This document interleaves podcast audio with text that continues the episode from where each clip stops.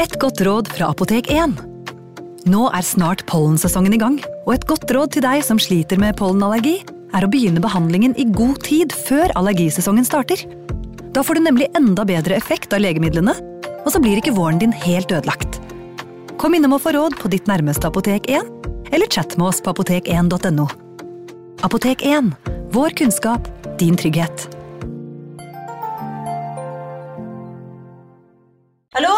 Jeg kommer fra Oslo politikammer. Ine Jansen er purk. Er du purk? The motherfucking bitch. Alt jeg vil, er å finne ut hva som skjedde med mannen min. Jon Carew. Er jeg sikta for noe? Iben Akeli. Det er du. Ole So, Lars Berrum og Big Daddy Karsten. Hvem sin side er du på, egentlig? Anette Hoff, Tone Danielsen, Kommer du fra Afrika? Jørnis Josef, Nesten kløfta. Trond Espen Seim, Det er synd å si det, men det var feil mann som døde. Purk. Premiere tirsdag på TV2 Play. Hei! Takk for at du lytter til True Crime Podden dokumentar. Skulle du ønske at du kunne høre en ny episode av denne podkasten hver eneste uke?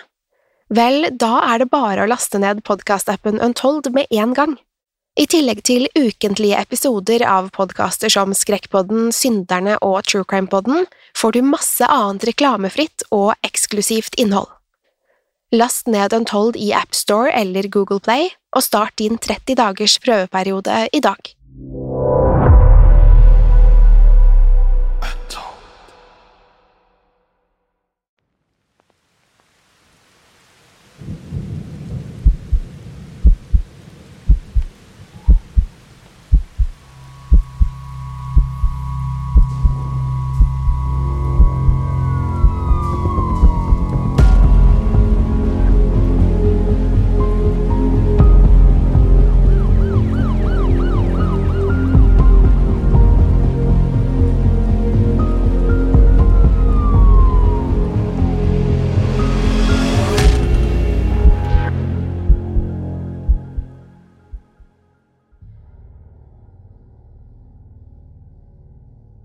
Lyset fra en gatelykt kaster en varm glød over en ellers mørk og våt høstkveld.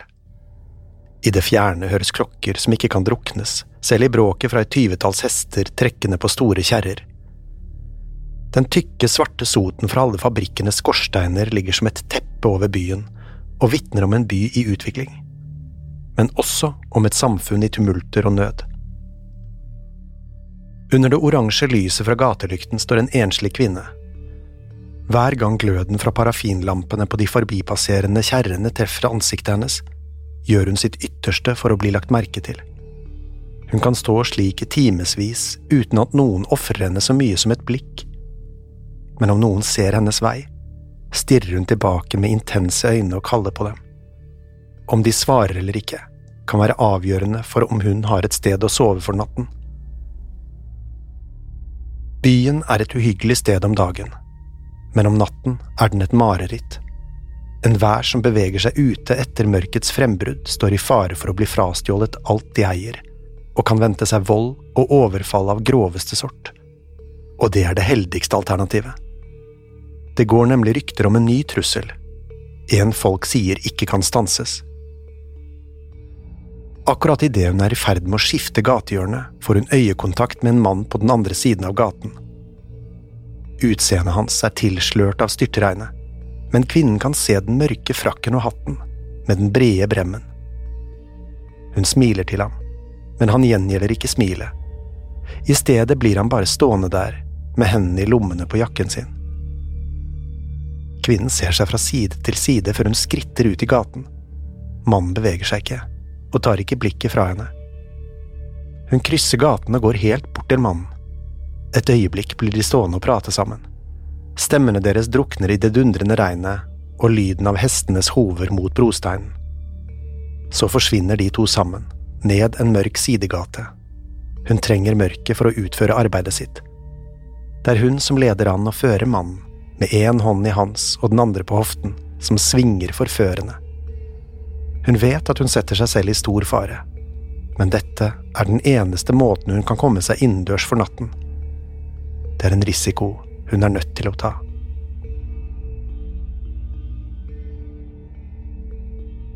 Dette var et typisk scenario på Londons East End mot slutten av 1800-tallet. Fattigdom, sykdom, kriminalitet og vold var en del av det daglige livet til de aller fleste. Mens et liv på byens vestkant tilbød et slags håp for fremtiden, var gjennomsnittlig levealder på østkanten kun 37 år. Dette var tiden da dronning Victoria regjerte over det britiske imperiet, noe hun hadde gjort i over 50 år. Livet i østkantbydelen Whitechapel var omtrent så langt unna dronningens palass som det var mulig å komme. Innbyggerne levde i knusende fattigdom. Få hadde råd til egne steder å bo. De fleste kunne ikke engang betale for en leilighet, men ble nødt til å klare seg med å leie en seng. Om man ikke klarte å skrape sammen nok penger til det engang, var det billigste alternativet å sove stående inntil et tau som var trukket langs en vegg. Fattigdommen var et resultat av stor arbeidsledighet, samt at de få jobbene som fantes, var elendig betalt. I løpet av den industrielle revolusjonen hadde London sett en eksplosjon av arbeidsinnvandrere som var kommet fra hele Europa i håp om et bedre liv. Dette førte til stor misnøye blant den lokalfødte befolkningen. Flere av arbeidsinnvandrerne, og da spesielt de med jødisk bakgrunn, hadde ikke noe problem med å akseptere lavere lønn. Dermed ble de tilbudt jobbene som fantes. Dette skapte et boblende fremmedhat blant resten av befolkningen. Men uansett om man var lokalfødt eller innvandrer, var livet en stor prøvelse. Ute i gatene luktet det avføring fra både hester og mennesker. En overflod av søppel og annet avfall gjorde de smale, brosteinsbelagte gatene nesten ufremkommelige. Det var ingen som fikk jobben å rydde gatene for å gjøre tilværelsen levelig. Stanken ble en del av folks hverdag, og det samme ble de grusomme synene. I en bydel som Whitechapel, hvor død lusket på hvert gatehjørne, var det ikke uvanlig med ekstrem vold på åpen gate. Østkanten skal ha vært et så farlig sted at ikke engang politiet våget seg dit alene. De skal kun ha beveget seg i Whitechapels gater i grupper på minst fire, men helst ikke i det hele tatt. Folk flest var bevæpnet med kniver eller pistoler for å være på den sikre siden. Det eneste det var mer av enn søppel i gatene og blinde voldsepisoder, var puber.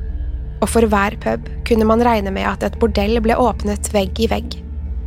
Det lå en pub på så godt som hvert gatehjørne den gangen. Der fikk gjestene tilbud om lunkent øl og billig gin.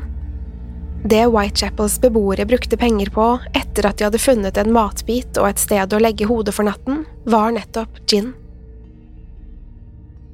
Livet selv var en lidelse som krevde en form for anestesi. For noen var det alkoholen, for andre var det narkotiske midler som opium og absint. Noen fikk utløp for frustrasjonen sin ved å utøve blind vold mot tilfeldige forbipasserende eller mannen ved siden av seg på puben og som i dag var det noen ytterst få som valgte å ta ut sinnet sitt over den forferdelige livssituasjonen på mye mer groteske måter. Det kunne likevel ikke måle seg med det som skulle terrorisere Whitechapel høsten 1888. En ny trussel dukket opp, som skulle gjøre gatene på østkanten enda farligere. En morder som ingen visste hvem var, og som skapte frykt og uro hvor enn han slo til. I løpet av ti knappe uker, mellom august og november, ble det skapt en legende som de aller fleste fremdeles kjenner til, selv i dag, over 130 år etter at det skjedde. Den dag i dag er saken regnet som en av de mest profilerte kriminalgåtene i verdenshistorien, som fengsler eksperter og amatører på nøyaktig samme måte. Til tross for at han kun var aktiv en kort periode, og har færre liv på samvittigheten enn mange andre, er han fremdeles regnet som alle seriemorders far. Vi snakker selvsagt om The Whitechapel Murderer, bedre kjent som Jack the Ripper. Som historien så ofte har vist, er mange kvinner nødt til å ty til prostitusjon når tidene er vanskelige. London mot slutten av 1800-tallet var ikke noe unntak. Det er anslått at så mange som 1200 kvinner fordelt på 62 bordeller arbeidet som prostituerte, kun i Whitechapel. En av dem som tilbød litt varme på kjølige høstkvelder, var 43 år gamle Mary Ann Nichols. Mary Ann het egentlig Walker til etternavn, og ble født 26. august 1845 i strøket Soho i London. Hun var datter av en låsesmed som het Edward Walker, og hans kone Caroline. Til tross for at vi vet når og hvor hun ble født, er lite eller ingenting kjent om barndommen hennes. Hun dukket først opp i januar 1864, da hun som 18-åring giftet seg med en mann som het William Nichols. Hun tok hans navn, og de slo seg ned i bydelen City of London. Det nygifte paret ble kun i City of London en kort periode, før de flyttet inn hos Mary Anns far i Southwark. Mellom 1866 og 1879 ble Mary Ann og William foreldre til fem barn, som de kalte Edward John, Percy George, Alice Esther, Elizabeth Sarah og Henry Alfred. De fant seg sin egen leilighet, og det kunne se ut som livet skulle ordne seg for Mary Ann. Men skjebnen ville det annerledes. Mary Ann hadde nemlig en forkjærlighet for sterke drinker, og de begynte å drikke tett. Det ble bare verre da hun oppdaget at William hadde hatt en affære med jordmoren fra Mary Anns siste fødsel. Mot slutten gjorde ikke paret stort annet enn å krangle og kjefte, så sant Mary Ann var edru nok til å ense ektemannen. I 1880, under ett år etter at de fikk sitt siste barn sammen, valgte de å gå fra hverandre. I ettertid klandret de hverandre. William mente hun var blitt for ustyrlig på grunn av alkoholen. Marianne mente det hele kokte ned til at han forlot henne til fordel for en annen kvinne. Dermed flyttet Marianne ut av leiligheten, og William fikk ansvaret for barna. Etter bruddet flyttet Marianne inn på et arbeidshus i bydelen Lambeth. Her ble hun tatt godt imot og satt i arbeid som husholderske. Hun forsøkte lenge å holde kontakten med faren sin, som hun alltid hadde hatt et nært forhold til. Likevel viste det seg å bli vanskelig. Marianne var fremdeles hard på flasken, og var dermed en stor skuffelse for Edward. Det sies at hun skal ha hatt noen løse forhold etter bruddet med William, men alle skal ha endt etter kort tid. Mellom 1880 og 1888 forsvant Marianne fra registrene, og det finnes lite informasjon om hva hun tok seg til. Det er derfor høyst sannsynlig at hun bodde på gaten i Lambeth. I april 1888 dukket hun opp igjen, på det samme arbeidshuset i Lambeth hvor hun ble tilbudt jobb som husholderske for en rik familie. I begynnelsen virket det som om hun likte jobben sin godt. Hun skrev et brev til faren sin og fortalte om situasjonen sin. Der skrev hun at familien hun jobbet hos, var ordentlige og religiøse. Hun hadde dermed lite å gjøre, og ble ofte overlatt ansvaret for huset. Men så, etter kun tre måneder i jobben forsvant hun plutselig. Faren forsøkte å svare på brevet, men hørte ikke mer fra henne. Marianne hadde nemlig stukket av og stjålet klær for en betydelig pengesum fra familien hun jobbet for. Hva som fikk henne til å kaste bort muligheten hun hadde fått, er det ingen som vet. Nå ble hun tvunget til å klare seg selv og flytte til Whitechapel, hvor en seng på losjihusene var billigere. Her ble hun kjent som Polly Nichols og arbeidet som prostituert for å tjene til livets opphold. Det var her hun ble værende, frem til hun skulle møte sin skjebne natt til 31. august 1888. Natten da Jack the Ripper slo til for aller første gang.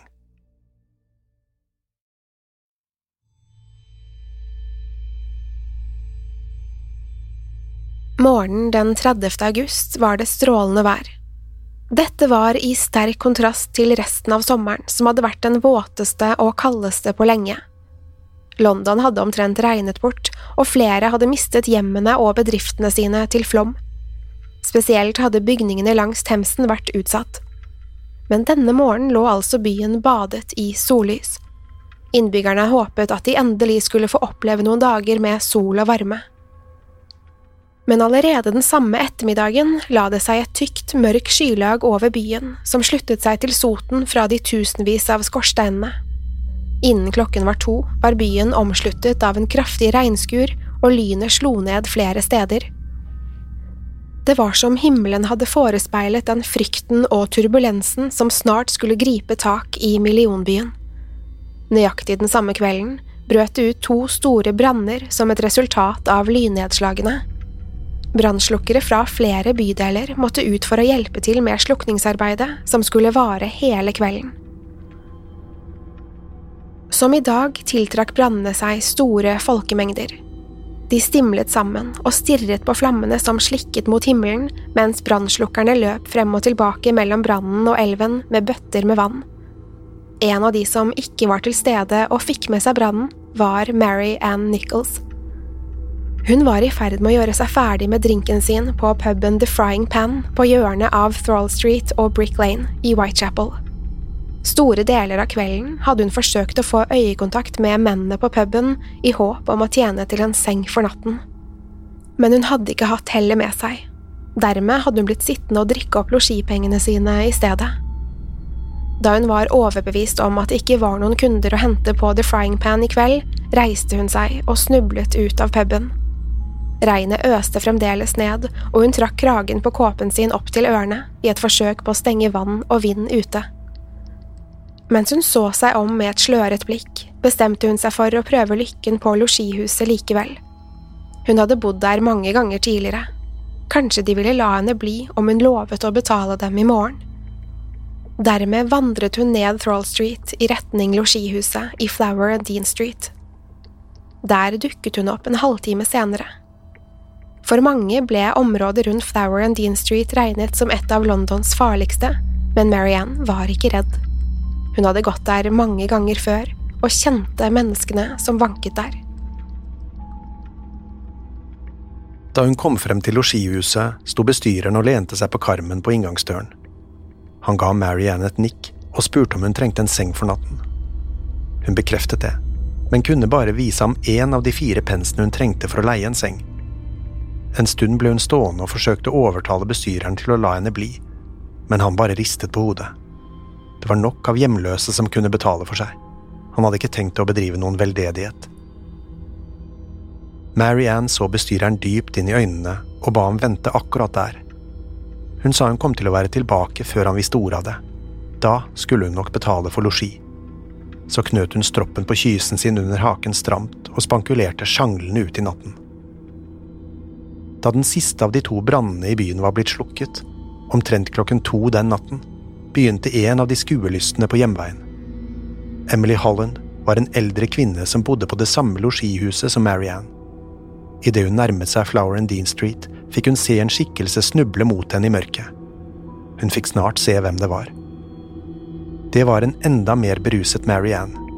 Hun gliste da hun fikk øye på Emily Holland, og omtrent ramlet over ende i armen hennes.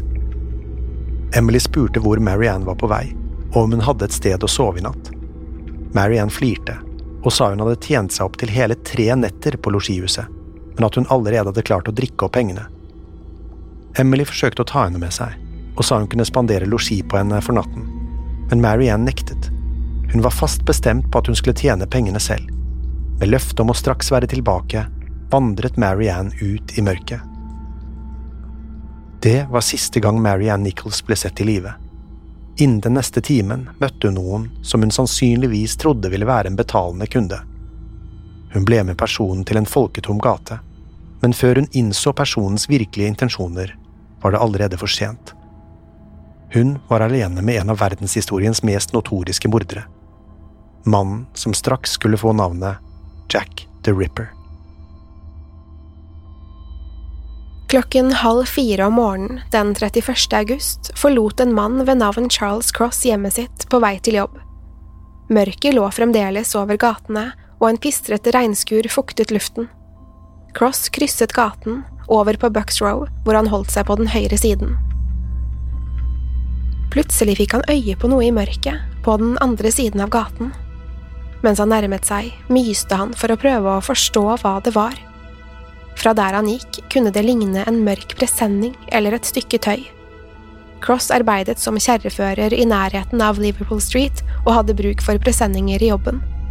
Derfor krysset han gaten for å ta en nærmere titt. Men da han nærmet seg Bylten, oppdaget han at det slett ikke var noen presenning. Han stanset noen meter unna. Foran han på bakken lå det en kvinne i mørket kunne han ikke bestemme seg for om han trodde hun var død, eller bare sove seg nattens rus. Han våget ikke gå nærmere, i alle fall ikke på egen hånd. Plutselig kunne han høre skritt bak seg. Cross bandt rundt og fikk se en nabo, Robert Paul, som også arbeidet som kjerrefører i byen. Cross vinket Paul bort til seg og ba ham ta en titt på det han hadde funnet. Sammen nærmet de seg kvinnen, som lå utstrakt på den våte brosteinen. Kvinnen lå på ryggen, med benene strukket ut. Skjørtet hennes var trukket helt opp til midjen, og hun rørte seg ikke. Cross la en hånd på kvinnens kinn og kunne kjenne at hun fremdeles var varm men da han løftet på den ene hånden hennes, var den iskald og slapp. Cross snudde seg til Paul og sa han trodde kvinnen var død. Da la Paul en hånd på kvinnens bryst og sa han mente han kunne kjenne en svak bevegelse. Mens de sto der og lurte på hva de skulle gjøre, kom de frem til at de hadde gjort alt de trengte å gjøre. De var sent ute til jobb, og kvinnen var ikke deres ansvar. De ble enige om å rapportere funnet til neste politibetjent de fant, før de fortsatte videre nedover gaten. Det mennene ikke hadde lagt merke til i mørket, var at kvinnens hals var skåret over på tvers. Kuttet var så dypt at kvinnens hode bare så vidt hang på skuldrene hennes. Den oppdagelsen ble gjort kun et par minutter senere, da en politibetjent som het John Neal kom gående nedover Bucks Row. Som Cross hadde han lagt merke til den mørke bilten. i motsetning til de to mennene som hadde funnet kvinnen først, hadde Neil en lykt, slik at han kunne se kvinnen skikkelig. Noe av det første Neil oppdaget, var den store oppsamlingen av blod som prydet kvinnens halsregion. Kvinnen lå med øynene åpne og stirret blankt opp mot regnet, som dusjet ansiktet hennes og tynnet ut blodet som strømmet fra det dype kuttet i halsen hennes. Det var da Neil kom på at han hadde gått gjennom Bucks Row kun 30 minutter tidligere da hadde han ikke sett kvinnen, eller noen andre der. Altså var gjerningsmannen etter all sannsynlighet fremdeles i området. Neil tilkalte andre politibetjenter, og før lang tid var gått, var også en rettsmedisiner på stedet. Da liket ble undersøkt, kunne det bekreftes at kvinnen ikke kunne ha vært død i mer enn en halv time. Rettsmedisineren mente til og med at det var enda kortere tid siden hun var blitt drept. Altså kunne det med høy sannsynlighet fastslås at morderen sannsynligvis var på åstedet da Charles Cross og Robert Paul gikk inn på Bucks Row. Til tross for dette var det ingen som mente å ha sett noen i gaten andre enn kvinnen. Allerede nå var ryktene begynt å gå i nabolaget om at det var blitt funnet et kvinnelik i Bucks Row. Da flere og flere begynte å stimle til for å se det groteske som hadde hendt, ble det bestemt at kvinnen måtte flyttes for videre undersøkelser. Hun ble fraktet med politiambulansen som i virkeligheten ikke var annet enn en kjerre med et tildekket lasteplan. På den måten kunne ikke skuelystne se den drepte kvinnen. Da liket kom i hus hos rettsmedisineren, og det ble undersøkt videre, ble det oppdaget noe som ingen hadde lagt merke til tidligere. Kvinnen hadde ikke kun fått halsen skåret over. Da klærne hennes ble fjernet, fikk rettsmedisinerne se at hun også hadde et dypt kutt tvers over magen. Hun var blitt buksprettet, og store deler av innvollene hennes hang på utsiden. Det ble straks klart at dette ikke var noe vanlig drap. Her var det lagt vekt på brutalitet. I tillegg mente rettsmedisinerne at gjerningsmannen måtte inneha en viss forståelse for menneskelig anatomi. Dette var fordi kvinnen kun var angrepet i de mest vitale kroppsdelene. Politiets neste jobb var å identifisere kvinnen. Ut ifra klærne hennes å dømme mente politiet at hun tilhørte den lavere klassen, og de begynte derfor søkene på Whitechapels losjihus. Patruljer med politibetjenter ble sendt ut for å avhøre flest mulig om hvem kvinnen kunne være, og før lang tid var gått, hadde de funnet frem til losjihuset på Flower and Dean Street. Flere personer fra losjihuset ble tatt med for å se liket, og selv om mange ikke kjente kvinnen igjen, var det noen få som mente de kjente henne som Polly. Da politiet fikk høre at denne Polly tidligere hadde vært koblet til arbeidshuset i Lambeth, fikk de tak i en kvinne som mente hun hadde kjent henne. Hun kunne identifisere kvinnen som ingen andre enn Mary Ann Nichols. Det ble straks startet en etterforskning for å finne den ansvarlige bak det brutale drapet Likevel kunne det raskt fastslås at gjerningsmannen ikke hadde lagt igjen et eneste spor som kunne lede til noen mistanke. Det var ingen blodspor, drapsvåpenet var borte, og ingen vitner kunne si å ha sett noen i området. Til tross for at Marianne etter all sannsynlighet var blitt funnet kun minutter etter at hun var blitt drept, fantes det ingenting for politiet å gå etter. Det fantes ikke et spekk av bevis. Det var som om gjerningsmannen var gått opp i røyk. Mens politiet famlet i blinde, hadde gjerningsmannen derfor tid til å samle seg. For kun åtte dager senere skulle nok en kvinne bli offer for verdenshistoriens mest kjente seriemorder. Og ettersom tiden gikk, skulle drapene bli mer brutale og hensynsløse. Whitechapel var rystet av drapet på Mary Ann Nichols, men de hadde ingen anelse om hva slags grusomheter de hadde i vente. Nå var Jack the Ripper løs, og han kom ikke til å stanse før han hadde spredt kaos og frykt i hele London.